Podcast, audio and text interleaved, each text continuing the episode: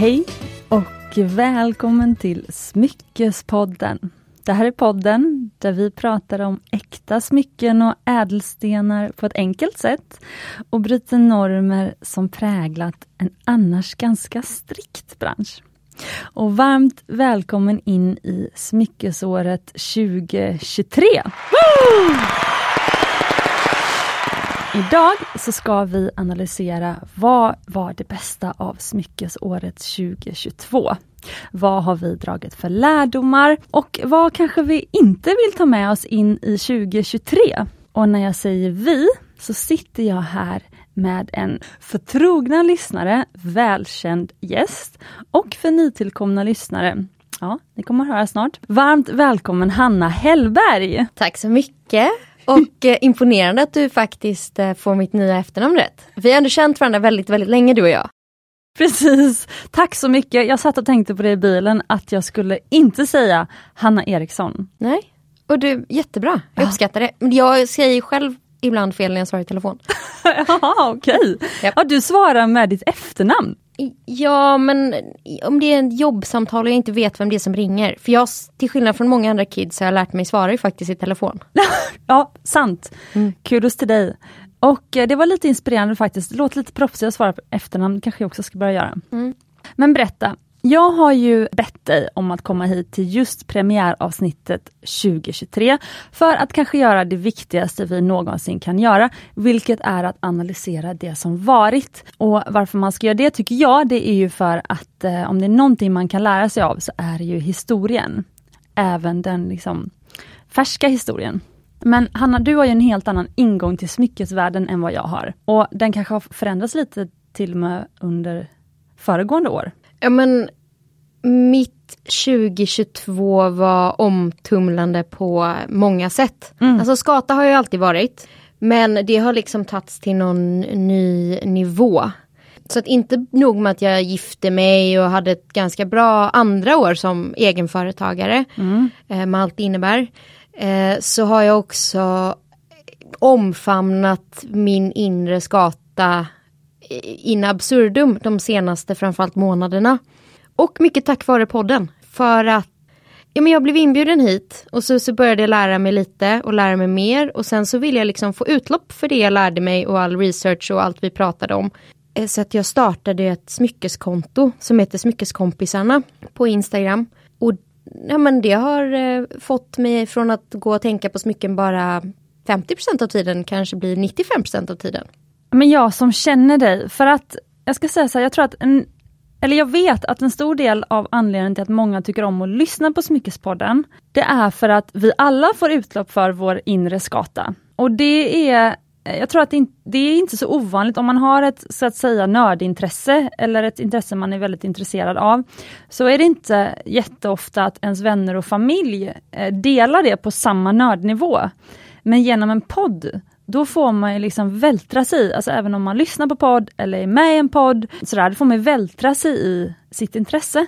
Ja, och också i mina DM, alltså det är så mycket skatiga konversationer eh, nu. Och det är juveler på tvären, längden och bredden och frågor och funderingar och åsikter och sånt som man kanske inte riktigt vågar säga högt eller i andra forum för att Dels kanske folk inte förstår när man bara, åh den här antikslipade diamanten, jag vet att den är färg P men jag älskar den ändå. Det, det kanske folk inte ens förstår om de skulle spärra in den i ett madrasserat rum. Men det är spännande för vi sitter ju i en studio nu som är ganska madrasserad på väggarna. Ja. ja. Nej men äh, att få chansen och att fråga och att man vet att man är med likasinnade. Mm. Mysigt. Nej men jag som har följt dig Eh, för anledningen till att jag bjöd in dig till podden första gången, det var ju ganska länge sedan nu, men det var ju för att du är en av mina få vänner liksom, som jag känt liksom, eh, ja, men, långt ut, innan jag själv kom in i smyckesvärlden. Eh, då är du en av mina få vänner som är otroligt intresserad av smycken. Och nu när jag träffat många som är intresserade av smycken och jobbar med smycken och så, alltså i den här branschen och i den podden, då har jag insett att du är ju ett unikum även i smyckesvärlden skulle jag säga. Alltså, nu sitter du och tittar konstigt på mig. Är det eh, bra att vara unik? Absolut. Nej men alltså du är ju, du har en otrolig nördgen, så om du får om du tillåter dig själv, för det är det jag känner att du har liksom släppt på den här eh, vinkorken som du har haft någonstans inombords, där, som, som fyllde allt ditt liksom, smycke. Du har ett eget hjärta för smycken känns som. Du har två hjärtan, ett för vänner och ett för smycken. Eh, lite som dessertmagen. Ja, precis. Jag har ett smyckeshjärta. Men det har varit en, en så här liten kork på hjärt, det smyckeshjärtat och nu har liksom du förlöst den. Ja. Och då inser jag bara så här. Det, det Varför gjorde jag inte det här tidigare? Nej men du kanske behövde gå en omväg. Ja. Som vi många behöver göra. Sant. Du behövde ha din tid på investmentbank. du pratar om mig nu? Ja, ja precis. Um, ja, nej men okej, okay, nej men precis, så du är ju egentligen en, en glad eh, smyckesintresserad tjej som nu faktiskt också driver ett ganska avancerat Instagramkonto, så kan man väl säga. Men du jobbar inte med smycken liksom så? Nej, jag är inte, alltså jag jobbar inte på till exempel ett auktionsfirma eller för ett märke eller för eh, någon annan. Utan mitt Instagramkonto är egentligen bara en förlängning av det jobbet som jag gör Eh, i, i, vanliga fall. Då skriver jag om båtar, nu skriver jag om smycken. Och det enda skillnaden är väl att jag inte får betalt och lägger orimligt mycket mer tid på det. Och mer kärlek än på mina andra saker och projekt. Mm. Men en rolig kuriosa eh, om Hanna är också att, eh, för du, du jobbar ju med eh, media kan man säga, så du driver ditt eget företag där du skriver och producerar podd, och, och inom, fast inom, inom båtar. Eh, men du var ju också expertkommentator på TV4 när det var OS i segling. Så det är lite TV5? Roligt. Ja, det var det TV5, okej. Okay. TV5 och Kanal 9. Ja, Discovery. TV Jaha, Discovery, okej. Okay. Så bra koll har jag. Mm. Men du gjorde ju ett äh, jäkla bra jobb och det var kul att se det på TV, tyckte ja. jag det, det, är du och min mamma som har såna skärm, eh, bilder av en tv-skärm. Liksom. Ja, precis med Hanna på. Men eh, jag tänkte att jag kan presentera mig själv också till nytillkomna lyssnare.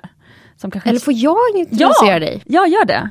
Okay. Hur sammanfattar man virvelvinden Cecilia på en minut? Bear with me, det kommer gå fort, det kommer inte bli enkelt och det kommer spreta en del. Lite som Cecilia själv. Ja. Hon har en eh, magisterexamen från Handelshögskolan men det var inte riktigt för henne. Och det kunde vi nog alla andra se.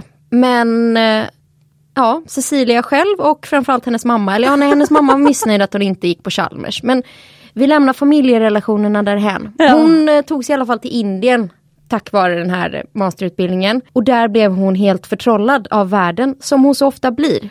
Och just den här gången av ankellänkar. Mm. Detta hade hon inte sett förut, bestämde sig att lägga sina sista slantar på att eh, få hem några sådana och sälja till sina kompisar. Och när Silas säger sista slantar då menar hon verkligen det. Ja. Jag kan säga sista slantar och så är det så här, mm, jag ska inte ta från mitt sparkonto. Men Cecilia, då är det slut liksom. eh, men hon kom i alla fall hem. Men då och... ringer jag mamma som ändå alltid räddar mig ska jag säga. Ja. Mm. men jag vill inte göra det då. Nej. Nej så men du kom, du kom hem ja. med vackra silversmycken i bagaget. Mm. Och det är väl typ åtta år sedan, nio? du jobbade lite på bank där när du kom hem. Mm. Tills du till din mammas då stora förtret sa upp dig och valde att satsa helhjärtat på Mumbai Stockholm. Mm. Eh, som idag har vuxit till eh, ett väletablerat märke med mm. två underbara anställda. Du har ynglat av dig, fått lilla Bonnie ja. tillsammans med Björn. Du har, ja Bonnie är otroligt väluppfostrad och sen har du den ganska ouppfostrade hunden Maja. Du har köpt ett eh, stort hus på Ekerö som du inreder med i vissas ögon alldeles för dyra möbler ja. och eh, knasiga auktionsfynd. Men det bästa med huset är att där finns dina smyckeskrin och det är där jag brukar hamna när jag är och hälsar på. Och här är vi nu. Det var en väldigt fin beskrivning. Men om det är några tjuvar som lyssnar på det här programmet. Så, så har du ett kassaskåp? Ja, ja alltså jag har ett kassaskåp på jobbet så kan man väl säga. Mm. Men så, men om Hanna kommer på besök då får man ju liksom se till att det finns några liksom härliga juveler som hon kan titta på. Ja. Men, ja. Skata som man är. Men det var, det var ju jättefint. Eh, och eh, du hade ett fel och det var ju att jag har tre anställda, tre härliga anställda. Ja, Lina, eh, förlåt. Ja precis, men hon jobbar på lördagar så det, då kanske du inte, vi är ju tre heltidsanställda i Mumbai, Stockholm. Ja, eh, nej men det var fint. Eh, och sen så, eh, ja nej men det det var en, eh, och sen så jobbade jag inte riktigt på bank, men det var en, jag jobbade på bank medan jag pluggade. Och sen så var det näst, det var ett invest, Det var fel invest, i alla fall. Det var ett investmentbolag, så man kan väl säga att det var nästan en bank. Ja, det var inte rätt för dig. Nej precis. Eh, och, men sen så kände jag, du glömde ju också det som vi båda delar, eh, det intresset för att prata. Ja. Och därför... Jag tänkte att det gick ingen förbi. Nej, det är nog sant. Men vi har nog både ett behov av att och det har du sagt till mig också, alltså jag har ett behov om jag hittar något som jag tycker är fascinerande, då kan inte jag bara hålla det för mig själv. Utan jag måste dela det med alla. Och berätta för alla att alla måste göra på det här sättet nu. Alla måste äta veganmat. Alla måste träna på det här sättet. Alla måste göra yoga. Alla måste ha så här smycken på sig nu. Alla måste odla de här sakerna. Precis, alla måste hålla på med trädgård. Alla måste hålla på med krukväxter. Du förstår. Mm. Så, men podd är ett väldigt härligt format i att då samla ett eller liksom möjligtvis några fler kringintressen. Men, eh, och få, få vältra sig i det tillsammans med andra nördar som delar just det samma ämnet. Mm. Det kan man väl säga. Ja. Och det ska vi ju ägna oss åt idag. Precis, så eh, jag har gett Hanna i uppdrag att Ehm, eh, liksom fundera lite grann på vad var det bästa med hennes smyckesår 2022, vilka lärdomar gjorde hon och vad behöver hon inte föra med sig till 2023. Mm. Och jag har gett mig själv samma frågor och du gav mig också en, en eh, fråga sen som vi tar, tar på slutet, Hanna. Um, Efterrätten. Precis, men det roliga är att vi vet ju inte själva vad vi vi har liksom inte pratat, så jag vet inte vilka vad du kommer säga. Och det är otroligt svårt, alltså ni förstår inte hur otroligt svårt det är att inte vilja bubbla ut det här innan micken var på för oss. Så vi har verkligen fått kämpa. ja. Och eh, jag har fått bita mig i tungan flera gånger. Så nu ska jag äntligen få förlösa det här 2022 smyckesbarnet. Ja. precis. Ja, men då tycker inte jag det finns något att vänta på, utan då kör vi igång.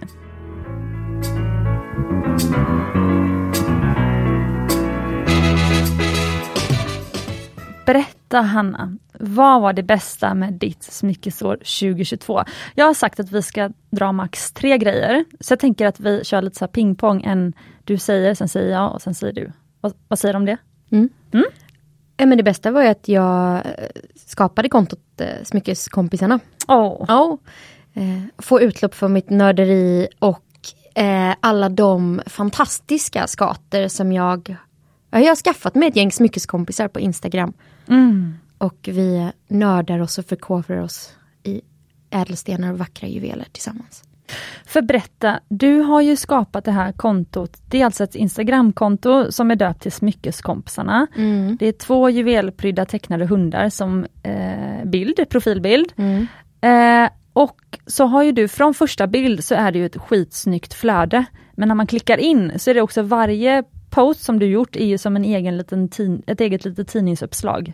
Jag försöker vara en sval och cool person som fattar mig kort och misslyckas katastrofalt. jag vet, jag är likadan. Och eh, tänker väl att ibland så ska jag väl bara lägga upp en bild, den kan väl bara få vara där. Men då har jag ju någonstans valt den för att den ska vara där och då vill jag ju berätta om förträffligheten med denna bild eller det ämnet jag liksom fördjupar mig. För det är en blandning mellan en salig blandning mellan saker jag älskar och tycker är fint. Trendspaning, men jag gillar ju också att utbilda och informera. Jag vill liksom hjälpa folk att inte känna sig så otrygga i smyckesvärlden. Mm. Så jag skriver ju om färgädelstenar och slipningar och fattningar och senaste missionet är att få fler kvinnor att våga vända sig lite mot klockbranschen. Mm -hmm. mm. Jag har en kommentar på det här som jag tänkte ta senare. Ta den sen. Um, Okej, okay, men då, jag undrar bara, vad var ditt första mission? För jag tänker så här, ens första inlägg, det är ju som eh, mitt första avsnitt av podden, avsnitt ett, som är så, så dåligt kan jag tycka i efterhand att jag nästan skäms. Men andemeningen älskar jag fortfarande och det var ah, Får man köpa smycken till sig själv? Och jag ville slå hål på den myten, för skulle det bara bli ett poddavsnitt, då skulle jag vilja ha basunerat ut det, att man får göra det. Men Så jag tänker Hanna, hade du någon sån grej att på Smyckeskompisarna så blir det bara ett inlägg så ska det vara det här? Ja, nu började jag ju med tre inlägg som faktiskt bara var bilder som var liksom så grafiska bilder bara för att det skulle ligga något. Så jag tycker inte de riktigt räknas. Nej. Eh, men därefter så är det faktiskt ett inlägg om The Not Ring. Ah. Eh, ja, hiss eller diss där jag liksom gör eh, en liten analys för att vi gjorde ett poddavsnitt om det. Men mm. jag kände att det kan vara bra att få gå tillbaka och ha någonting att läsa om. Mm. Så det, det, blev det. Mm. Eh, och sen, här kommer nu kommer vi till kullen som jag faktiskt är redo att dö på. det här med att investera i smycken och hela tiden vara rädd att man måste investera i smycken som andra anser vara klassiska. Bara för att de är klassiska. Även om man själv inte är klassisk. Eh, så jag pratar om det här med att smycken ska kännas i magen, att man ska drabbas av dem. Vad fint! Så det är, det är nummer två. Och så följer jag upp det med eh, klackringarna från Komi, de här glada. Att jag har drabbats av dem. Och de, la du en beställning på en sån sen? Mm. Nej! Jo. Så den är på G? Ja. Oh, wow, vad valde du för... Uh... Uh, bud av budgetskäl. Men också, och det här jag kommer ju ha, jag har en spaning kring silver, men det är nästa avsnitt. Eh, men av budgetskäl så blev det en ring i silver. Och det blev den här superglada med en röd granatmun. Eh, Safirkinder, jag älskar safirer. I, I rosa faktiskt, så att de ska bli lite så här, ja men riktigt tuggummi-rosa. Och sen eh, svarta diamantögon. Det är ju, alltså man har sminkat sig själv med svart diamantmascara. Eh, rouge. Blush, ja, rouge i form av eh, rubiner sa du? Och sen är man asglad och ska på fest. Ja, liksom. vilken fantastisk klackring. Mm. Och specialbeställer den faktiskt i storlek eh, för att kunna ha den på lillfingret. Så det här är shoutout till Carolina och Victoria som tipsade mig om storleksval till lillfingerringar. Eh, Jewelry Escape Carolina Victoria. Ja men vad då tipsade om storleksval? Jag fick använda deras måttstock och sen Oj, vad, så, vad eh, så sa de att eh, Ja men det här är ett allmänt tips då. Lillfingerringar, knotorna ser liksom inte riktigt lika ut så lillfingerringar måste sitta lite hårdare än Exakt alla andra så. ringar. Och det rådgav de mig Mm. om. Och då kan ni göra skaktestet, så om du sätter på dig en ring och så skakar du hela handen. Eh, om, de då, om de då sitter kvar innanför liksom, eh, fingerleden, eller alltså den där man böjer fingret, eh, då eh, sitter det ju eh, de bra. Men en lillfingerring, är inte den i rätt storlek, då skakar man av sig den. Så att eh, när ni provar storlek, sitter den fast efter ni skakat fre- frenetiskt, så Mm. är det antagligen rätt storlek. Okej, jättebra spaning. Mitt bästa med smyckesåret 2022. Mm, vad är det? Ja, det är mammaledighet. Men jag måste säga, för att min ingång är till smyckesbranschen eh, är ju eh, och liksom min eh, kunskap i podden som jag vill dela, den kommer ju av min erfarenhet som egenföretagare inom smyckesbranschen och att jag driver ett företag inom äkta smycken. Där vi designar, producerar och säljer äkta smycken, så hela kedjan. Inklusive köper in ädelstenar och eh, allt material. Men jag skulle ju föda en dotter 30 april. Hon föddes 1 maj och sen skulle jag vara mammaledig. Och eh, alltså den skräck, skräckblandade liksom eh, vad ska jag- förväntan. Skräckblandade förtjusningen. Ja fast det är ju inte det. Så det är ju, ja okej precis, ja, det var ju helt fel svenska här. Men i alla fall jag såg ju fram emot detta med, så kanske man kan säga, med skräckblandad förtjusning. Eftersom, hur ska det gå? Jag kände ingen mamma som driver ett företag som hon inte riktigt kan vara ledig från. Eh, så alla mina tjejkompisar, de eh, kan ju vara 100% mammalediga när de har varit mammalediga. Därför är det så bra att du har gjort detta. För att om jag blir mamma så kommer jag vara i samma sits som du. Jag tänkte på det, precis. Eh, att du kanske känner samma eh, så inför det, en eventuell sån händelse. Ja men verkligen. Ja. Eh, och min man är också egenföretagare så jag bara ser framför mig ett lapptäcke av eh, blandade föräldraledigheter. Liksom. För ingen av oss kan ju bara lägga oss ner och gå på mammaledighet. Precis. Eh, en av mina bästa kompisar, Jeanette, fick ju en son på Nobeldagen. Och hon jobbar som eh, ombudsman på Unionen och hon sa ju bara tack och hej och gick. Ja precis, till och med några dagar innan man ska föda. Ja, ja absolut. Ja, eh, precis. Ehm, och eh, nej men eh, ja, vi bestämde för någonstans där någon månad innan, eller ett par månader, på våren där i alla fall 2022, så pratade jag med min kille och så sa jag också så här, jag vill väldigt gärna att vi bestämmer att eh, du jobbar några dagar i veckan och jag jobbar några dagar i veckan, alltså från början. Men eh, jag kände också, för jag visste inte hur det skulle bli med ja, alla, eller många som väntar barn tror jag kan eh, se, sätta sig in i det här att man inte vet hur det kommer gå med amningen. Och kommer man vilja amma och, och hur kommer det bli och så vidare. Men så då gjorde vi en deal i alla fall att eh, Björn, min kille då, skulle vara med mig på jobbet och till exempel en sak som var viktig för mig var att jag skulle kunna fortsätta podda. Så jag tog ju en fem veckors poddpaus eller sådär, men sen var jag igång med poddandet igen. Och då sa vi att på torsdagar när jag skulle podda, då eh, hängde han alltid med mig in till stan och så hade vi en sån familjedag på stan. Men så gick jag bara iväg och poddade. Och så, och så liksom pusslade vi ihop det så och det blev alltså skitmysigt och även när jag jobbade, jag kunde jobba eh, hemma eh, någon dag i veckan. Eh, och lite sådär, och då får man ändå hänga med sin familj samtidigt. Och den andra grejen var att mina anställda, alltså de var så himla gulliga och om jag, för det som är med ett litet barn också, det är att man inte vet hur man kommer sova. Eh, man vet inte, alltså det är ganska oförutsägbart när barnet behöver en. Eh, och det är oförutsägbart hur ditt eget humör påverkas. Alltså jag skrev ju in lite notes för mitt humör svajade så mycket att jag var tvungen att skriva lite nästan dagbok i mobilen. För att jag skulle kunna titta tillbaka, så här, men hur mådde jag förra veckan? Ja men då var det ju fine och, och nu bara var man helt liksom förstörd nästan. Alltså sådär, alltså det De berömda amningshormonerna. Ja, ja, någon får, ja men det är också bara mammahormoner tror jag, eller föräldrar, alltså det är någonting De som händer. De sitter i sju år efter man har fått barn. Så du har något att se fram emot. Eller Björn har något att se fram emot. Precis.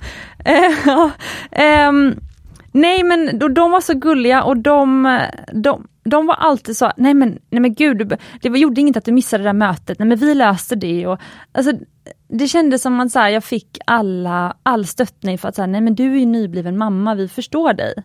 Och, och, så den tryggheten i att man inte, jag liksom inte fick dåligt samvete utan jag liksom visade tacksamhet istället mot liksom, mitt team. Eh, men också då det här att jag, jag, kunde faktiskt pussla samman både jobb och familj och mina kompisar som eh, jag hängde med som också var nyblivna mammor. För det är ju skönt alltså, att ha en liten sån egen mammagrupp som man kan sätta ihop. Sådär. Men det är samma som sminkeskompisarna fast ni hade då bebiskompisarna.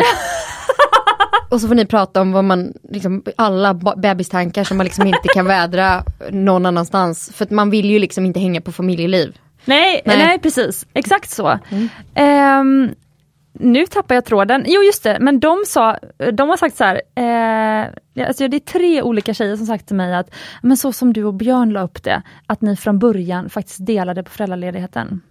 Så Björn var föräldraledig två torsdagar och fredagar och jag var föräldraledig måndag till onsdag. Men vi var liksom alltid tillsammans. Eh, det har tre olika tjejer sagt till mig, så, här, så vill jag ha det, för det var inte så kul att vara hemma helt själv. Och liksom, för det blir också att du, du själv tar hand om barnet väldigt mycket. Det är du som också lär känna barnet bäst. Alltså Björn har ju varit bäst på att natta Bonnie nästan från start. Uh, ja men jag, nu har inte jag barn själv så jag vet inte men jag, det är många tjejkompisar som hör så att där pappan var väldigt aktiv, eller den som inte födde barnet var aktiv väldigt, väldigt från början. Ja för Jeanette har ju en kvinnlig partner. Exakt. Mm. Eh, så vi ska inte vara trångsynta här. eh, nej men, förlåt. nej, men eh, mer att det är viktigt att båda Co-parent, det heter co-parent på eh, Alltså när man skriver in i, det är någonting man skriver in i de svenska myndighetspapperna. Så ah, det smart. kallas liksom medförälder. Är medförälder. Ja. Eh, men det menar jag att det är många mammor som bara, nej men jag kan inte lämna för mitt barn är så beroende av mig, pappan kan inte, han vet inte hur man nattar, han har inte lärt sig det. Man bara, men kanske för att det liksom inte fick chansen där i början när det var kritiskt. För i början vet ju ingen någonting. Det är lika bra att man båda två tar sig an den uppgiften då. Men Mm. Nu ska det här inte bli eh, föräldrapodden. Nu kommer jag säga en sak som jag då hoppas var bra med ditt 2022. Ah, för okay, du kom in på kul. det. Ah. Och det är väl faktiskt din lilla Mumbai-familj. Alltså hur mycket har dina anställda bara steppat upp? Så de var väl typ det bästa med 2022 som möjliggjorde det här? Eller? Eh, ja, ja absolut. Shoutout till Fanny, Halina ja. och eh, Helena. Helena. Ja, precis. Nej men så är det alltså verkligen. Alltså teamet är det bästa och jag hoppas att jag har sagt till er tjejer om ni lyssnar eh, alltså hur mycket ni betyder för mig. Men det hoppas jag att jag säger ofta, men jag kan inte säga det eh, ofta nog. Men absolut, eh, det är ju det, det, det är ju teamet det handlar om och det är också någonting jag blir alltså jag blir mer varse om det för varje år som går. Mm. Vad du än ska göra, alltså om du ska göra saker hemma eller på jobbet eller i en podd eller eh, på Instagram som ditt konto. Det är ju tack vare dina följare som du antagligen får nytt content till exempel. Ja och jag får ju liksom secret backning. Jag är ju inte gemolog eller eh, smed, eh, guldsmed eller så. Så att jag får ju eh, liksom fina Men snälla rättningar i DMs om jag eh, valsar fel. Mm. Men det är också en grej, det finns, det är väldigt svårt att hitta information om vissa saker i smyckesvärlden på nätet. Det går liksom inte ens att googla på engelska. Så det är väl också en grej som jag tänker på med Smyckespodden, att jag hoppas att folk blir lite klokare. Ja. Och det är folk som säger det och det är väldigt fint. Mm. Mm. Vad var din nästa bästa grej med smyckesåret 2022? Jag gifte ju mig och då fick jag ju tre fantastiska ringar. Så det var ju en väldigt fin sak. Mm. Men jag tänker att det kanske inte var så du tänkte med smyckesåret. Eh, Ja, Jaha, jo du får tänka, jo. Eller Ja. varför inte? Okej. Eller har du något annat? Nej men det var väl, det var otroligt kul att få gifta sig. Eller framförallt så är det ju jävligt mysigt att vara gift. Eh, Åh, jag berätta om det. Varför är det mysigt att vara gift Hanna? och man är ett team. Åh. Nej, men du kommer tillbaka till det här teamet liksom. Och både jag och min man är egenföretagare. Och han, vi är i samma bransch. Så han hjälper ju mig och jag hjälper honom. Ehm, jag styr upp och han svarar på alla mina konstiga tekniska frågor. Ehm, så det är jävligt mysigt. Eh, och nu kommer jag bli, låta otroligt ytlig här. Men när man gifter sig så kan man ju dundra på med sju helvetes eh, ringar. och jag blir ju otroligt glad varje gång jag tittar på min wedding stack. Eh, det finns ett helt poddavsnitt om den. Eh, så att den har ju fått väldigt mycket uppmärksamhet. Men jag också är otroligt glad att jag vågade lita på min magkänsla och att jag hade Fannys trygga hand och hålla mig igenom processen med eh, stenval och så. Ja för det kan jag ju säga att för Hanna är ju, nu är ju vi nära vänner, men Hanna är ju väldigt, en väldigt otrogen smyckesköpare. Så du, du har ju ett gäng Mumbai-smycken men du har ju väldigt mycket andra smycken från väldigt många andra designers. Um, så, så det är väldigt roligt, Nej, men jag tänkte det är bra att säga det att det här inte är någon en liksom... Eh, nej nej, nej nej, och absolut inte så. Eh, ja, men då, då, det är bra fortsättning. För att det jag har lärt mig under smyckesåret är också att vilken typ av smyckespersonlighet jag är. Ja. För jag har haft svårt att sätta ord på det innan. Och vi pratade ju om det här, jag tror i eh, ingången på något avsnitt när vi pratade, ja men var det reor och äkta smycken? Eh, man har det här, man är lojal till sin hov, familjs hovjuvelerare, Lex. Din mamma har två favoriter, det är du och det är Olle Lyngard och sen gärna inköpta på Jarl Sandin. Mm, precis. Jag är inte så, jag är otroligt eh, otrogen där. Utan jag är liksom en liten samlare och gillar att jaga små saker. Så sakerna på min vill lista det har jag också insett, jag måste råna en bank 2023. ja, eller sälja ett organ. Det kommer nästa avsnitt. Ja. Ja, ehm, är ju att jag gillar eh, att hitta en samling som är liksom, jag vill ha Ja, men jag vill ha ett Elsa Peretti-armband för hon är stencool. Då hittar jag den grejen från henne som jag vill ha. Mm. Jag har ju en grej från dig som jag skulle vilja investera i. Eh, jag hittade Vad, vilket då? en Thicky. Just det. Ja. En, eh, en lite kraftigare gold eh, huggy som man har eh, I i örat. örat. Eh, men jag har också till exempel i- hittat fantastiska emaljsmycken i England som jag väldigt gärna vill ha. Jag har hittat pantbanksmycken som jag vill ha. Så att jag liksom plockar de bästa russinen ur hela världens smyckeskaka. Du investerade ju i en svart eh, diamanthuggy från eh, Emma Engelbert Ja, ganska nyligen. mm, precis. Eller det var faktiskt en julklapp från min mamma som jag fick välja själv. Åh, oh, lyxigt. Mm. Mm. Eh, mycket, mycket nöjd med den och eh, väldigt kul för att jag fick min morgongåva var från henne också och hon är eh, Inte från din mamma utan från Emma Engelbert. från, ja, från Emma Engelbert. Ja, nej, men Emma är syster till en vän till mig så det är väldigt kul. Mm. Kul.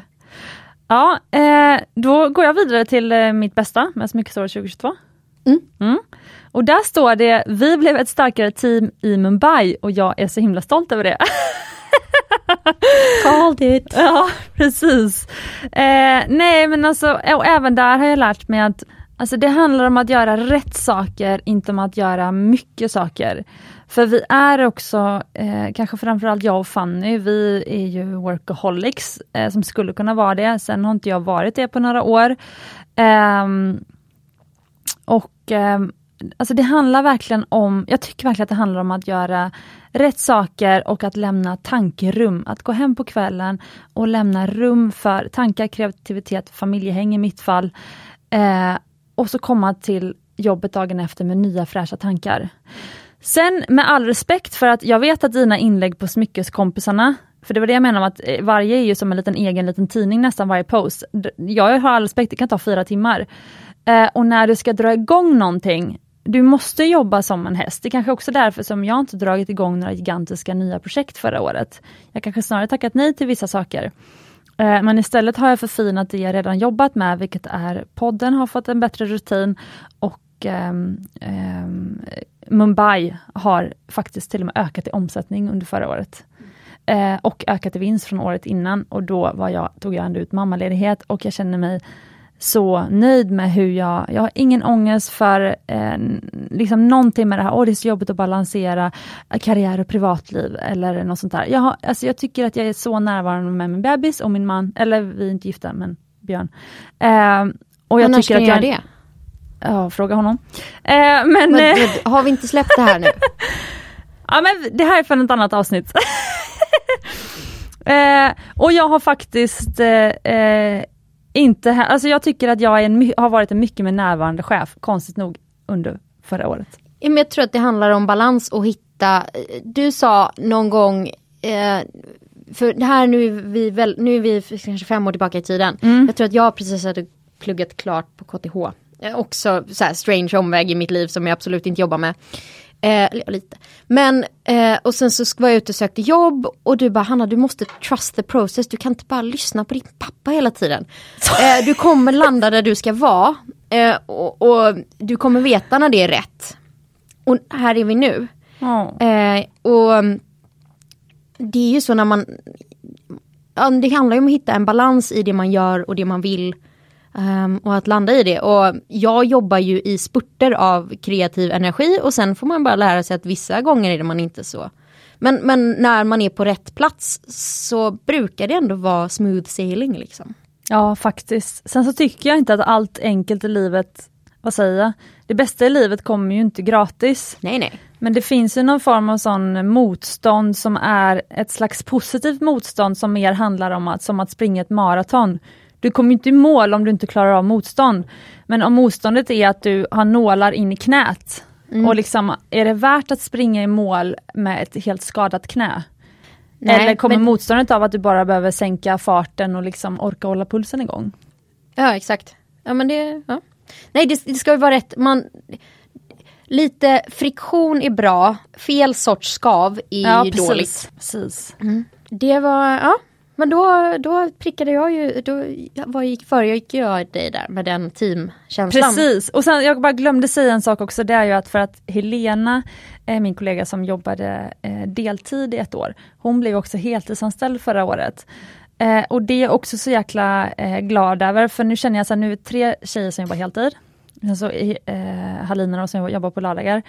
Men jag är bara så här, Weekend Queen, Halina. Precis. Jag är liksom så glad att Fanny gör det hon, nu ska hon, det är nästan ett av de bästa grejerna med 2023, att hon ska börja sin gemologutbildning. Och hon ska få förkovra sig i det. Och en annan grej är att Helena, för Fanny är ju produktionsmanager och älskar ädelstenar, eh, vilket är väldigt bra. Eh, och sen så Helena eh, är ju väldigt duktig på sociala medier och hon är, hon är den trevligaste människa som finns. Och du sitter här och nickar. Men jag anställde henne på en telefonintervju för mm. ett och ett halvt år sedan. Och eh, sen så vet jag att vi var nere i, eh, i Båstad i en inredningsbutik som heter Style Icons och så hade vi en pop-up där och så träffade de då tjejerna i Helena och de bara Var har du hittat henne? Alltså hon är så trevlig! Du bara Pajala. ja precis. Nej men alltså men sen så då eh, och hon säger själv nu, nej men jag är så glad Sila för det känns som att jag är helt rätt nu i mitt arbetsliv. Hon är också en så här lite rörig tvilling, jag känner verkligen igen mig i henne liksom.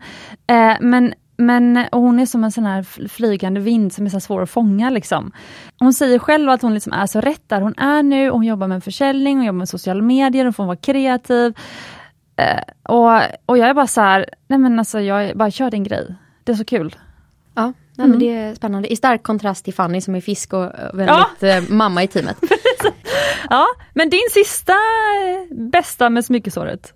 2022? Nej men jag kände att de var så stora de ja, här grejerna så att jag, jag sparar vi kommer nog att prata om på de andra punkterna. Ja jag inser det, oj vad tiden springer iväg. Mm. Um, Jag hade en sista grej, det kan jag dra jättekort, det är att jag har insett att planering är nyckeln för att få bra saker gjorda. Så planering, det har ju nytt familjeliv och mer, mer sådär utanför jobbet har ju fått mig att inse att man måste planera. Men nu har jag börjat älska att planera.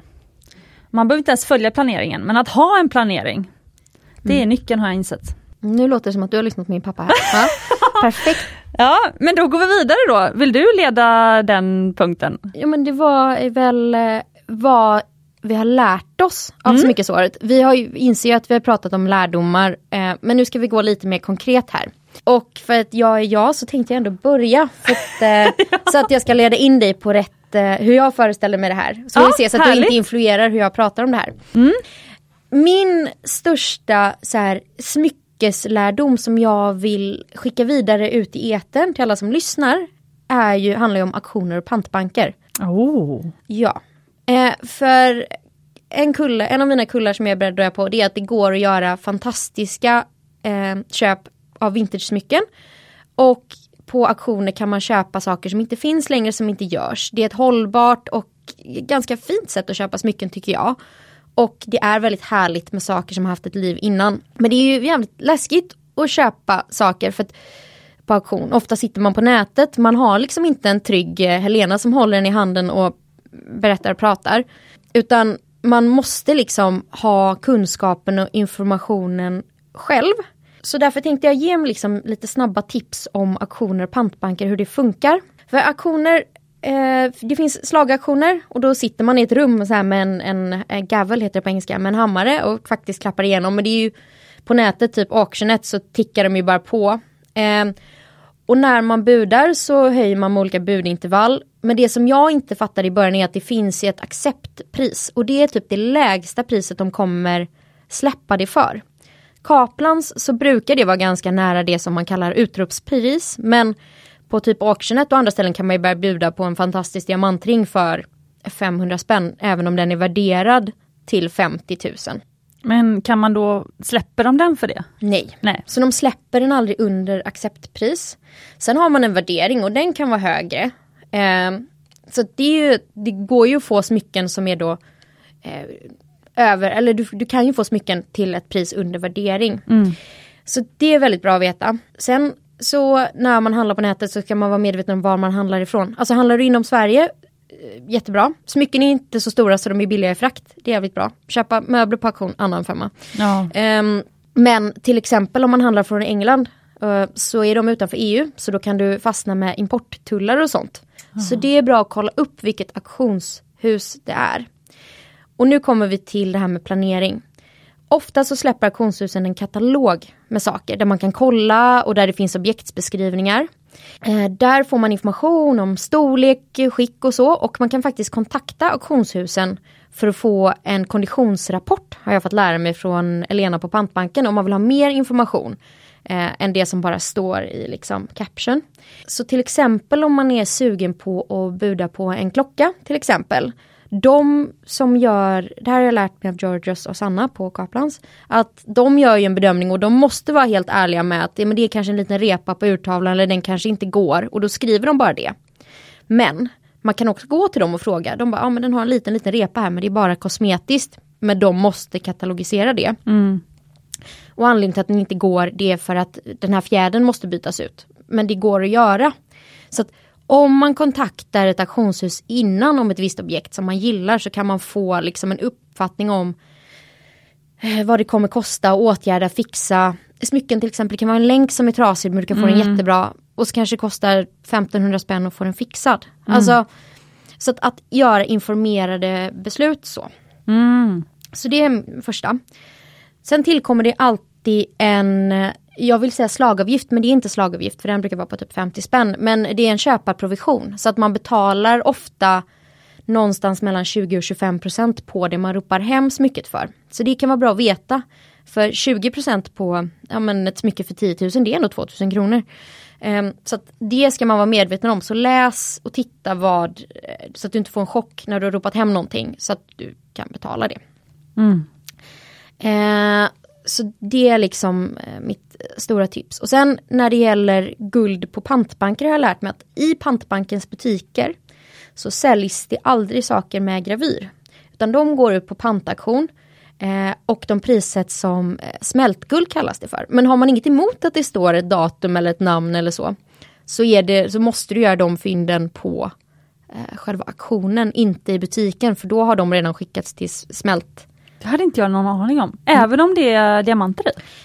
Eh, ja, jag tror att man kanske plockar ut dem och så. Men framförallt så vanliga släta guldringar och länkar och sånt. Så att gravyr eh, kan göra att du kan få någonting mycket billigare och att du kan ropa hem det på auktion. Så att det är... För gravyr kan jag ju säga, alltså det är ju väldigt lätt för en guldsmed att slipa bort gravyr. Om man inte vill ha kvar den ja, Ja, absolut. Eh, så det är mitt tips om du vill göra fynd på typ släta guldringar, stackingringar och sånt. Då är det på pantmarksauktionerna du ska titta. Ehm, Det var många lärdomar som nu också fördes vidare till lyssnarna här. ja, Det var generöst. och det här finns också ett inlägg på om eh, på Smyckeskompisarna. Det är fokuserat mot klockor men mycket av det här med eh, köparprovision och sånt står och det är ju allmän generellt liksom. Mm. Mm. Okej. Så det var en av mina eh, stora lärdomar från eh, 2022, hur det här funkar. Eh, och har man mer frågor på det så kan man höra av sig till mig på DM. eh, och så kan jag kanske hänvisa vidare till andra smyckeskompisar i nätverket. Till exempel. Precis. Ja, men som Carolina och Victoria har ju, är jätteduktiga. Eh, Georgios på Kaplans, Sanna på Kaplans, hela Kaplans-gänget har ju koll på det här. Så att, tips. Du nämner alla eh, som varit poddgäster, det är härligt. Exakt. Mm. Är det min tur? Ja, det är din tur. Ja. Vad Okej. har du lärt dig? Jo, Hanna och eh, lyssnarna. Jag har lärt mig att design är design. Vad det än handlar om. Alltså, mitt år har ju präglats mycket av eh, smycken, Mhm. trädgård, inredning. Mm. Och bra design, för det var ju mitt första år som jag också bodde i hus. Mm. Jag flyttade ju första december 2021. Så. Fick väldigt mycket space att fylla. Ja, precis.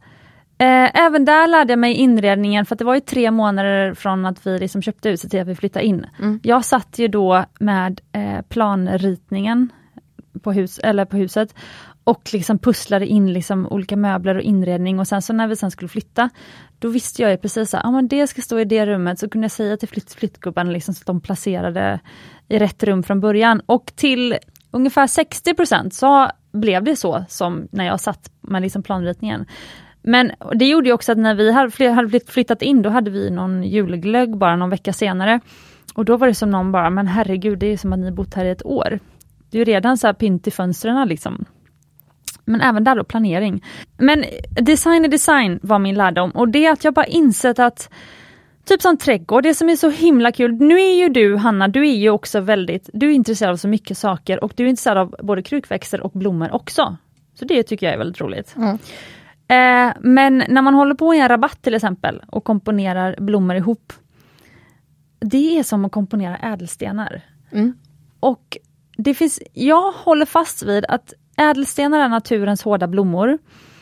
Och det de båda har gemensamt är att, det, alltså vil, förutom koraller då, korallrev, vad i naturen har så starka färger naturligt som blommor och ädelstenar? Nej, inte så många ställen. Nej, precis. Så det är ju någonting som bara, om man är estet och gillar färg, så jag bara tilltalas av det. Men i min inredning då vill jag ju ha dova färger och det har jag insett också är för att jag vill inte alltid ha på mig mina mest eh, färgglada ringar. Jag vill inte alltid sitta i en orange soffa kanske. Eh, så, så här, inredningen som är ganska statisk, den får vara liksom beige och brun och grön. Eh, vit och svart. Men eh, blommor, rabatter, ringar, ädelstenar, det får gärna ha massa färg. Men jag eh, har lärt mig mycket då, för när jag läst till exempel under förra året så har jag läst bland annat trädgårdsböcker, jag har läst om trädgårdsdesigners. Alltså det är ett sätt att tänka och att våga tro på sig själv som alla designers har gemensamt. Så för att skapa liksom din stil, även du, man kan säga att du är designer eller kurerare av ett Instagramkonto nu, som också blir din egna prägel. Alltså ditt Instagramkonto ser inte ut som någon annans. Men det som gör att man älskar ditt Instagramkonto, som jag gör att jag älskar Smyckeskompisarna, det är ju för att det är liksom ett verk av någon som gjort sin grej. Mm. Och då känner jag så här, fina trädgårdar, är, det är någon som gjort sin grej. Inte kolla för mycket på andra. Fina smycken är liksom någon som gjort sin grej. Det här för typ, jag älskar liksom Olle Lyngård till exempel, för både han och Charlotte Lyngård, de har gjort sin grej. Ja. Liksom. Det, deras smycken är inte lika någon annans. Och det är det som tilltalar mig med det här, det är därför jag är lite smyckesillojal. För jag vill ha jag älskar folk som gör sin grej och därför vill jag ju Precis. plocka dem, deras designrussin då. Ja, så det har jag lärt mig ännu mer under 2022. Ja, och det här kommer vi komma tillbaka till sen också. Det här Ja. var bra, i, Ja. i saker som vi ska lämna bakom oss. Åh, Mm. nästa punkt. Ja, men innan vi går vidare till det vill jag berätta vad jag har lärt mig om design och smycken då. Ja, Eh, för det löper in i det här. Hantverket som går in i att skapa riktiga äkta smycken. Alltså jag hittade Youtube-videor där folk sitter och gör länkar. Alltså det, hatten av till alla eh, guldsmeder som gör, sitter och pillar, alltså det är världens minsta små skulpturer och konstverk. ja. Och även någonting som kan se väldigt så här, men nästan industriellt ut. Länkar ser ju ganska industriella ut. Alltså sättet de är skapade på, det är ju ändå ett mekaniskt liksom hantverkskunnande. Man måste vara jämn, man måste ha samma temperatur, man måste göra så lika stora. Det är lite som, jag virkar ju. Det, det, är liksom, det handlar om samma, att få den här jämnheten. ja liksom. i, i att vara mjuk på handen. Exakt. Ja. Så jag har ju lärt mig varför äkta smycken kostar som de gör. Mm. För att det är liksom, det är en människa som sitter där bakom och gör det. Och jag är egenföretagare själv. Jag tar ju mest betalt för min, eller jag tar ju betalt för min tid. Eh, och jag skriver ju mest och pratar mest. Det är väl en annan typ av hantverk som man kanske inte tänker på. Men det är inte bara ädla material som ska in i det här, som dels kostar. Men det är ju också att eh, de ska tillverkas. Och sen så bara den här tiden det tar att tänka ut det. Alltså man tänker ju på design och funderar på, jag tänker på formuleringar när jag liksom går och promenerar. Eh, ja men du tänker väl på design, alltså så. Ja, ja alltså jag sitter och ler här för jag tänker så här, jag skulle vilja ställa den frågan nu men jag inser att vi eh, liksom måste hinna igenom vårt eh, avsnitt här. Men jag då ett förslag på tema till poddavsnitt och det är faktiskt prissättning av sin tid. Prissättning av sina produkter för att du är ju precis som många guldsmeder. Eh, alltså hur ska du prissätta din tid, dina tankar när du är ute och promenerar? Mm. Och det är ett tema som jag skulle tycka var kul att ha i podden. Mm. Mm. Vad tycker du? Ja, det blir jättebra. Jag tror ju också att det jag har lärt mig är att många av de här riktiga konstnärerna är ju notoriskt dåliga på att ta betalt. Precis. Sorry alla smyckesköpare men eh, de riktigt bra är väldigt dåliga på det tyvärr. Och sen så... Det är väl inte sorry smyckesköparna? Jo, det, blir, det kommer bli dyrare för dem när de förstår sitt värde. Nej men det är väl, jaha men det är ju grattis smyckesköparna som lyssnar på det här poddavsnittet. Ja, ah, okej, ja, så. Mm. De kan ju än så länge köpa då billigare faktiskt. Ja, och det finns några sådana som man faktiskt... Eh, ja, men jag kom i kontakt med rätt mycket guldsmeder och eh, smyckeskonstnärer. Guldapan är ju ett perfekt exempel. Ja hon är för billig ja. Ja. Mm. Hör du det Gullapan? Mm. Annika? Så det var min lärdom nummer två. Jag har nummer tre, men vad har du lärt dig mer? Ja men nu du Hanna, jag har väntat på det här hela avsnittet. Mm. Jag har lärt mig hur smyckesbranschen kan inspireras av klockbranschen. Ah. Därför så vill jag säga till dig, för Hanna har ju som sagt nördgenen, kan bli intresserad av det mesta. Du är redan intresserad av klockor, men gå nu inte och bli ett klockkonto. För att senast igår så var jag i samtal med en kille som till och med har en Youtube-kanal för klockor. Alltså, jag vet inte om det är att det är män, de är lite mer excentriska än vi kvinnor är, de är lite mer business. Men alltså, hur många klockpoddar finns det inte? Hur många Youtube-kanaler för klockor finns det inte? Alltså hur bra är inte, inte grabbar på att få liksom eh, skapa status kring klockor? Och jag blir bara så här, nu det som jag älskar med dig Hanna, det är att du ger status till coola smycken. Och du ger status till smycken, det Tidigare, innan 2022, så var det i princip status att ha en solitär ring. Alla andra smycken, eller möjligtvis en väldigt, väldigt fet eh, Eternity Band med så här riktigt stora smaragdslipade diamanter. Ja, typ halvkarater hela vägen runt. Ja, precis. Eh, men annars så, är det inte, annars så har äkta smycken varit en liten, faktiskt egen klubb för mest inbördes beundran. Om man har du koll på att en grö, liksom, eh, ja, en viss eh, färgglad ädelstensring är ganska dyr, ja, men då, då kan du ganska mycket om smycken. Men annars, jag, jag har haft en, eh, liksom, det har varit killar som kommit till showroomet och, och sagt att ah, men min tjej vill verkligen ha en Mumbai-ring så jag måste köpa en Mumbai-ring. Hon vill ha en brun diamant. Varför ska jag ens köpa det? det hur kan den kosta 40 000? Det är ju inte, ingen som vet att den är dyr. Nej. Fruktansvärt! Så jag bara känner så här, eh, jag tycker att vi i smyckesbranschen ska följa eh, faktiskt lite i Hannas fotspår och våga göra en grej av liksom ball smyckesdesign. Mm. För, förstår du vad jag menar när jag säger så?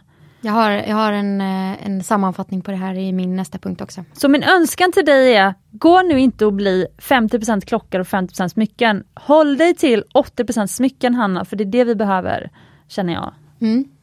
Men jag vill ändå hävda att klockbranschen är ju så otroligt mansdominerad och den drivs väldigt mycket av vad andra tycker är coolt. Jag vill ju Ja, lyfta sant. att man ska välja klockor som man själv tycker är cool. På samma sätt som jag vill att man ska välja smycken som man själv tycker är coolt. Så jag tänker ändå att det behövs lite av eh, smyckesapproachen till klockor. Ja, Inte vad är statusen på den här klockan. Jättebra. Ja, så att, jag kan inte lova att det kommer bli 80-20 men 70-30 då. Ja, okej. Jag är fine med det. Mm. Ja.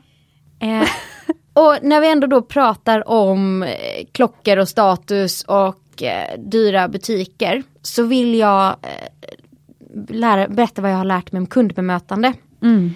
Det finns bra kundbemötande och det finns mindre bra kundbemötande. Ehm, och det här är till alla er som står och tittar storögt på typ Tiffany eller Cartier och inte vågar gå in och inte vågar ta plats. Eller kanske även Engelbert, kanske mm, det ligger bredvid Tiffany's. Absolut. Ni är ju ändå potentiella kunder och även om ni inte kan köpa någonting idag, våga ta plats. Ni förtjänar det bästa kundbemötandet och det faktum är att ofta får man det. Jag var i Monaco i höstas eh, för att min man var där och jobbade. Och unnade mig en eftermiddag utanför kasinot där liksom juvelbutikerna ligger ja, men, krypavstånd. Och tänkte att ja, men jag måste ju liksom, när får jag chansen att göra det här annars? In gick jag till Harry Winston. Och eh, gick runt och tittade och de så här, såklart, det är ju typ tre personal på en kund och sen fem eh, security guards. Liksom. Jag förstår det, det är väldigt mycket dyra smycken. Eh, och sen så sa jag att hej, nej men jag, jag använde faktiskt, jag var lite där i där i början så jag använde faktiskt kortet att ja, men jag är en smyckespodd, jag vill gärna titta lite och så bara självklart, vad vill du prova? Och så började jag peka på saker och de var så himla trevliga. Ehm, för att, ja men vad ska de annars vara? De kommer inte se ner på dig. De kanske blir glada att de fick något att göra. Exakt. Eh, och så här, det spelar egentligen ingen roll vad du har tänkt att köpa och inte köpa. Om du är respektfull, artig och trevlig så finns det ingen anledning till att du inte ska få prova en diamantring för 20 miljoner. För det gjorde jag. Ehm, mm, underbar. Och att det, det, är, det är väldigt få människor som någon gång i sitt liv kommer kunna köpa en diamantring för 20 miljoner. Men man kanske blir positivt inställd till varumärket och det finns rätt många som kanske skulle kunna tänka sig att köpa någonting för 25 000 spänn. Jag menar, men man blir, vill ju bli kär i ett varumärke. Det är ändå en personlig investering. Och varför ska jag välja det här smyckesmärket över någonting annat? Alltså det är ju en helhetsbild. Hur ser en diamantring för 25 miljoner ut? Eller, tju- eller var det 20 miljoner? Den har kanske gått upp i pris. Eh, det var en ovalslipad gul eh, diamant. Eh, som var eh, gradering intens, fancy intens. Alltså så den var väldigt saturerad, alltså väldigt djup i färgen och väldigt mättad i färgen, heter det på svenska. Och det är dyrt kan man säga. Ja. På ädelstens, I ädelstensgradering så blir det en stark färg dyrare. Ja. Eh, när vi går ifrån går det vita och går till smutsigt ut, men hittar rikt, riktiga färger och den här var, man tänker en påsklilja liksom. Åh. Mm. Och sen så satt det väl två sidostenar som var på kanske en karat styck. Eh, så det var en trestensring. Mm. Men egentligen så var ju stjärnan var ju den här stora gula diamanten. Jag fick också prova en helt fantastisk smaragdslipad eh, 12 karats diamant som var internally flawless. Alltså det vill säga den hade inga inneslutningar. Den var väl färgen F. Det, det är det absolut ja, renaste eller vitaste, eller egentligen ingen färg då. Mm. Men eh, den var helt magisk också. Men F är då svenskans Top Wesselton kan man säga. Ja, precis. Eh, så den var ju ändå väldigt fin. Eh, och den var, det var liksom, jag darrade på handen. Eh, Så smyckeslärdom, eh, våga ta plats i de fina salongerna. ja för de uppskattar det också låter det som. Ja, ja. Och jag gick in, på, ofta så blir man också erbjuden så här eh, ett glas bubbel, vill ha en kaffe. Um, så att om man bara är artig, trevlig och intresserad så kan man få en helt fantastisk upplevelse. Och även om man inte kan äga de här smyckena så är det kul att prova. Och om du går in med mysbyxor så kan ju alltid någon tänka att du är en techmiljardär också. Exakt. Jag gjorde ju inte det. Jag var faktiskt, jag var ju lite ängslig och nervös där. Så jag hade nog faktiskt ändå liksom halvdyra smycken, en dyr klocka och ja men du vet en dyr handväska. Du hade klätt på dig. Ja det hade jag faktiskt. Jag gick inte dit i träningskläder. Nej. det kanske är nästa test. Det Ja. kanske blir, vi kanske sitter här om ett år så säger du en smyck, smyckeslärdom för 2023. Äh, Min mamma har gjort den här några gånger. Kommit typ när hon har stått och bottenmålat båten och sen knatat in på NK. Men jag tycker för att eh, ni, du och Louise i ett avsnitt i 2022 berättade om Denise Rudberg som har varit ute med hunden i gympaskor med en jättestor Engelbertstenottring var det ju då. Mm. Men så att, eh, om den var diamantbeströdd kommer jag inte ihåg. Nej. Nej, men det tyckte ni var väldigt coolt i alla fall. Mm. Så här, lite eh, shabby, eller vad, shabby chic eller vad kan det heta? Ja, men li, Bohemska. leisure då. Ja, ett leisure, ja precis. Ja, ett leisure och så en riktigt snygg ring. Mm. Eh, hur man stylar fina smycken, det är ju något som jag aldrig är trötta på att prata om. Det skriver jag också upp inför eh, poddavsnitt 2023. Mm, det kommer jag också återkomma till sen. Ja, Mm. hur stylar snygga smycken? Jag känner så här, jag känner att jag kan spara min sista lärdom Mm. och så kan vi gå vidare istället. Eh, vad säger du om det? Ja, för vi ska ju också prata om vad vi helst liksom vill glömma. Det finns ju Ja. mycket med 2022 som kanske var mindre bra. Som vi inte vill föra med oss till 2023. Nej. Ja. Putin, du borde bara gå och lägga dig och så krama någon och sluta kriga. Men Ja, om vi pratar precis. smycken så har vi ändå lite andra punkter. ja, Ja, okej. Men då kanske jag fortsätter med det. För jag skulle säga att eh, då Putin, han är ängslig. Eh, och jag vill lämna ängslighet. jag med! Woo! Det blir high five på det. Nej men du har skrivit samma ord! Hur fan vad sjukt. Oj, förlåt nu svor jag, ursäkta mig. Eh, Bonnie hörde ju inte på det här så det är lugnt antar Ja. jag. Mm. Eh, men ängslighet, ängslighet, vad vill andra? Alltså, vet du vad jag ska göra nu för att symbolisera det här? Mm. Jag var lite ängslig under 2022. Mhm. Det hade också att göra med att Alltså jag visste ju att jag skulle bli eh, mammaledig då, det är ju ändå lite, lite någon viss förutsägbarhet i det, Mm. när magen växer och sådär. Eh, men eh, då skulle jag och eh, Fanny, då hade vi liksom lite så här uppdrag som Fanny skulle jobba med under 2022. Och hon skulle eh, hjälpa mig att ta fram en, eh, liksom, lite smycken ur basgarderoben som vi kände att vi behövde i Mumbai. Och då var ju eh, Fanny började ju då året med att göra en analys på, eh, det kanske till och med var under 2021 vi hade börjat med det här, men vad för smycken liksom vill vi själva ha i vår, basgarderob och vad eh, behöver vi i vår Mumbai-kollektion. Det resulterade i en del fina grejer, men det resulterade också i att vi till exempel nu sitter på lager med eh, ett, två stora par diamantörhängen studs, eh, ett par no, en halv karat, så tillsammans blir det en karat, Mm. och ett par 0,30 karat, tillsammans 0,60 karat då. 030 lånade jag ju faktiskt på mitt bröllop. Ja, det är jättefint. Men du vet den här en halv karat, jag bara den är för stor, den är inte fin, vi har inte sålt en enda. Alltså varför ska vi ha den i kollektionen bara för att, för det var väl också jag då som tyckte liksom att jo men nu kör vi på med diamant, eh, stora diamantstads liksom. Men det är inte sant till ert varumärke. Tänker jag. För att det är en, en halvkarats diamant, det är väldigt många varumärken som har det. Exakt! Men, men varför måste ni ha någonting? De, för då har ni ju ingenting som säger varför ska de gå till er? De skulle lika gärna kunna gå till Jarl Sandin har ju sin den här enkaratskollektionen och då är örhängena en halv var. Ja men de är inte ens snygga till liksom mina andra örhängen. Alltså De är skitsvåra att stacka i öronen.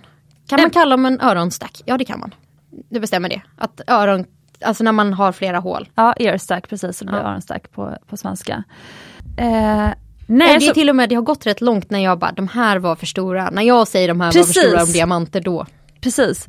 Symboliken nu som jag ska göra, det är att nu gav jag faktiskt Fanny uppdrag. Eh, för hon är produktionsansvarig som sagt. Eh, så, då, så då bad jag henne, men vet du vad? Skrota det här örhänget. Ta ur eh, en halvkarat diamanten. Sätt den i en ring som jag hittade häromveckan när jag skulle eh, rensa gamla lådor. Mm. Och hitta en gammal Mumbai-ring som har en guld, eh, ett guldband med en vitguldsfattning, sexklofattning, Ah. som är ofattad. Som Lena hade. Kommer du ihåg Lena på gymmet? Ja, exakt, vi gjorde en sån till henne. Mm. Just det. Eh, så då hade jag i alla fall i gömmorna en liksom oinfattad då, eh, ett original kan man säga. På en enkel solitärring med sex klor eh, som, som jag gjort för jättemånga år sedan. Eh, som jag nu ska sätta den här diamanten i och så ska jag, jag funderar faktiskt på att ha den själv. Men bara för att symbolisera att det är en ring som är så jag Mm. och det, de där örhängena, alltså det är så inte oss, det är inte Mumbai. Därmed inte sagt att det inte är för någon annan. Och liksom så, för diamantstuds är populära av en anledning. Men jag håller med dig om att just de kanske inte var just er. Den storleken och den kombon var inte för er. Så det är, jag håller med dig, det är väldigt mycket bättre att släppa och göra någonting mer Mumbai av det. Någonting Ja. mer du. Nej, och jag bara känner så här, och jag har sagt det så många, många gånger sen till Fanny, så är jag så här, men alltså gud vad jag, vad, alltså, jag ska inte vara så ängslig, jag ska köra liksom min grej. Mm. Och hon eh, har stöttat det. Så det var ju bra. Eh, Och det, det, det ska ändå ha gått rätt långt för att vi, vi, vi tre, och nu pratar jag om dig, mig och Fanny, ska tycka att det är liksom, nu är diamanterna för stora. Får jag fortsätta då på ängsligheten? ja, Mm, och på det här temat, och det tajar in lite i den här mm, mäklarsnubben som skulle köpa förlovningsring till sin flickvän. Skit i vad alla andra har. Ett smycke ska kännas i magen på dig. Det är ingen annan som behöver fatta varför du har det. Eh, if you know, you know, och då är det oftast rätt. Alltså smycken som drabbar dig, det, det, liksom, det behöver inte finnas någon rim och reson. Du kanske inte ska skuldsätta hela familjen för den sakens skull, men om du har möjlighet och så, fundera inte för mycket på varför, om det här smycket kommer så här, hålla över tid och fundera. För det här vi har pratat om det innan, älskar man någonting så älskar man någonting och man kan ofta komma tillbaka till smycken. mm. Jag har haft en grym sån revival i mina egna smycken och börjat bära smycken som jag köpte för flera år sedan i år. Så våga satsa på smycken som är du. Som passar in i din trädgårdsdesign av smycken. precis. För har du en personlig erfarenhet kring ängslighet? Nej, nej, inte, inte smyckesängslighet. Nej, det- har jag ju inte. Nej. Men i, i kläder och så. Eh, Jag försöker väldigt många gånger att bli lite som du med- sidenklänningar och bohemsk och det funkar aldrig. Jag har aldrig sett det. Nej, för jag blir, trivs aldrig i det. Ehm, så jag går ju hela tiden tillbaka till eh, vissa saker som jag gillar och som känns bra. Så att nej. Mm, Just smycken har jag, jag har nog landat, jag är ganska trygg. Men däremot så tröttnar man ju ibland på smycken man har köpt. Men, men så här, jag tröttnade på min gargoyle ring för att jag tyckte inte att den passade in. För ja, men jag hade nog en bestämd idé om hur, liksom, när det skulle matcha mina vigselringar och så. Men så tänkte jag, men jag har ju aldrig matchat smycken innan, varför ska jag börja med det nu? Och så har jag på mig den ofta igen. Mm. Mm. Så ängsligheten släpper vi. Det gör vi. Mm. Smycken med, utan identitet och personlighet tycker jag att vi släpper också i den vevan. Ja, Eh. men vad är det då? Ja men det finns ju väldigt Eh, mycket så här standardsmycken hos kedjorna som det finns inga signifikanta drag eller så. Och då säger jag inte att vi ska släppa de klassiska modellerna. Alltså en klassisk solitärring, en eternity band, en trestensring. Men våga titta runt lite och hitta de här som har de här små, små detaljerna. Det kan vara en så liten sak som en, en fattning du gillar. Att man, man gillar ju att se smycken som har eh, de klassiska smycken med en twist. Mm. Eh, jag pratar en ny bekantskap som heter Malin Ivarsson. Hon är Sveriges yngsta guldsmed med mästarbrev, har jag lärt mig. Eh, hon och jag har en- gjort en egen variant utav en um, Eternity Band med liksom guldblobbar emellan stenarna. Som är, det är en Eternity Band men den är väldigt henne, den har liksom en egen identitet trots att det är en ett, eh, ett Eternity Band. Och det tyckte jag var så himla fint att man kan hitta smycken som har liksom en liten själ i sig. Det är fint. Ja. Mm. Så generiska, massproducerade saker där ingen riktigt har tänkt till på designen. Mm. släpper vi också. Precis. Mm. Ja, bra. Jag hade bara den ängsligheten som att jag, det skulle inte jag föra med mig in till 2023. Okej. Okay. Det var min som. Ja. Jag har en sista då. Okay. Det här brinner mm. starkt för det här. um, och det är eh, plagiarism och kopiera. Alltså har du en duktig designer som har hittat på en grej som de gjorde först så försöker någon annan kopiera det, det blir sällan bra. Här är en möbelanekdot. Jag drabbades mm. av en lampa. Och sen insåg jag att den var ganska dyr. Och så um, försökte jag hitta typ så här, jag googlade typ kopior eller liknande. Men jag insåg att det finns ingenting som kommer kunna mäta sig med det här originalet och jag kommer bara känna att det känns som kopior. Så jag fick ju byta eh, i det sura äpplet och köpa den originallampan. Men det är en helt annan historia. Men vi har ju ett sånt här exempel, eh, Annika Gustafsson. Som gjorde sina fantastiska fossilsmycken. Alltså de är som små, man kan hitta dem på stränderna på Gotland. Men hon har gjort liksom äkta smycken av det här. Och det är hennes grej. Och det är pieces som är väldigt, alltså hon har en hel kollektion kring det här. Och sen kom en av de här stora drakarna och eh, kopierade det fast lite sämre. Jag menar kom igen. Alla de här stora smyckesvarumärkena som kopierar de små. Ni har ju, till skillnad från de här underbetalda guldsmederna, alla resurser i världen att lägga lite extra tid på design. Ni låt era guldsmeder få tänka ut sin egen grej. Ni behöver inte koppa andra, det är tråkigt. Skit mm. i det. Utan, men det är därför jag är så ännu mer förundrad över alla de här eh, massmärkena som massproducerar grejer som bara ser ut som alla andras. De är de enda som har chansen att faktiskt lägga tid på det och ändå gå runt liksom. Okej men vet du, jag har en liten teori om det här. Okej. Okay. För det här har också att göra med, för nästa grej vi ska prata om och avsluta med, det blir ett långt avsnitt, men trots allt, vi ska ju knytas ihop ett helt år. Mm.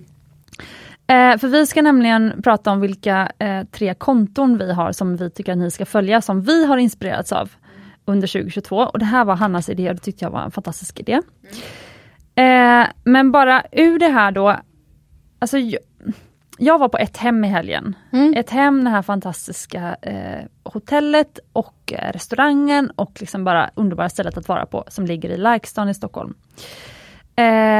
Där kan man, om man ringer dem eller mejlar dem, så kan man få komma och äta en härlig lunch eller en härlig middag och sådär.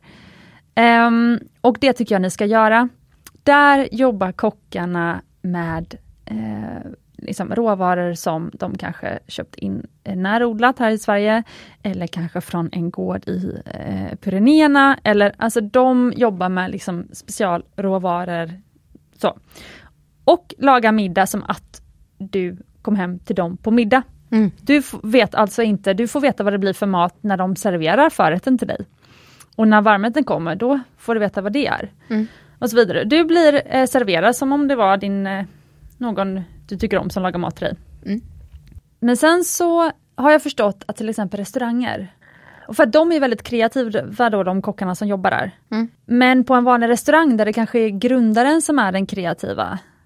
Alltså den grundaren kanske inte vill anställa massa kreativa kockar för att de ska ju laga mat utifrån grundarens kreativitet. Förstår du? Alltså de ska laga mat ut efter recept. Mm. Så den som, den som är kock på ett hem kanske inte skulle vilja jobba på, ja vad finns det för en vanlig restaurang? Men typ Vapiano eller de här? Exakt, precis. Mm. Så att det finns liksom en, eh, en skillnad mellan liksom de personerna som, alltså även då på, för att jag hade en tjej som sökte jobb eh, från Glitter ja. för många år sedan. Eh, hon hade jobbat på Glitter och nu vill hon jobba på Mumbai. Och då eh, pratade jag med henne och då hade hon jobbat på Glitters designteam. Okay. Och så frågade jag, hur går det till? För det roliga var att Glitter hade ju kopierat ett av mina smycken, mm. ett eh, svalörhänge. Men sen så um, mejlade jag deras marknadschef och sen tog de bort det helt. Så jag, det var ett mejl där jag liksom, här är min bild liksom från ett Instagram-inlägg, jag lanserade det här för ett eller två år sedan. Och nu har ni liksom lanserat exakt likadant fast i eh, någon oädel metall. Mm.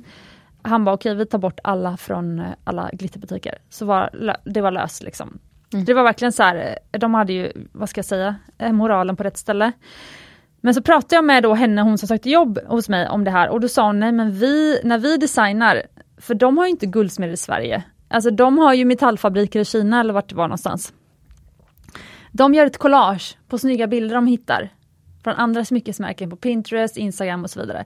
Så gör de ett collage och sen så skickar de det collaget till Kina och sen så får de leveranser från Kina. Alltså, förstår du, det är liksom inte... Alltså kreativitet och design hittar du inte hos alla människor. Nej. För, förstår du vad jag menar då? Och de grejerna, att det är också så här, jag tror inte de tänker på, för att jag tror inte de tänker så här, men, ja, men det där är öringen från Mumbai, ett par guldsvalor kostar ju 6000 spänn. Alltså vi ska sälja de här för 50. Det är liksom inte ens samma kund, så på ett sätt kan jag ju förstå att så här, ja, att plagiera något och sälja mycket, mycket, mycket billigare, det är ju nästan en sån här smicker. Mm. Men det som Annika Gustafsson råkade ut för var ju trots allt att så här, okay, men de, det var hennes halsband, kopiorna på hennes halsband säljs ju dyrare i ja. samma typ av metall. Ja. Så det är ju fruktansvärt. Ja men jag hör vad du säger men då är min shoutout till alla stora smyckesvarumärken. Våga vara originella. Eller våga anställa också, ge... För det, eller förlåt, våga betala för kreativitet. Ja för, precis.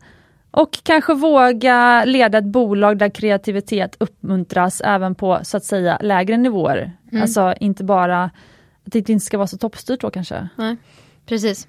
Eh, men det är väldigt sällan designers som sitter eh, och det sitter ju ofta, det finns ju lager av vd och marknadschefer och ekonomichefer och sånt som förmodligen inte är så nu ska jag inte tillskriva dem egenskaper men de kanske inte är liksom, de kanske inte brinner för design på det sättet. Och det syns ju i slutprodukten att det är de som bestämmer, tyvärr. Men så här, du är ju en kreativ människa Hanna. Mm. Du gillade ju inte att jobba för ett företag så du är egen nu. Ja. Så vad hade fått dig att stanna i ett företag? Och skapa din egen kreativitet i det företaget? Um, en bra chef och där man får uh, liksom. ja, men Jag tror att jag bara hade inte hittat rätt bransch innan. Och de företagen jag jobbar med nu de ger ju mig otroligt mycket kreativ frihet i det jag gör. De, de företagen och kunderna som relationen var längst med, det är ju där, där de har ett sånt storkukslugn att de låter mig göra min grej. Givetvis så har man ju förhållningsregler och det måste lira med en varumärkesprofil och det man vill emulera. Men jag får ändå göra min spin och tolkning på det. Mm. Mm. Lita på att ni anställer bra personer. Precis. Ja. Okej, nu... Eh, vi har säkert pratat en och en halv timme. Oj. Då släpper vi er nu här och eh, alldeles eh, om eh, bara ett par dagar då så kommer det ett litet bonusavsnitt där ni får våra sex bästa Instagramkontotips.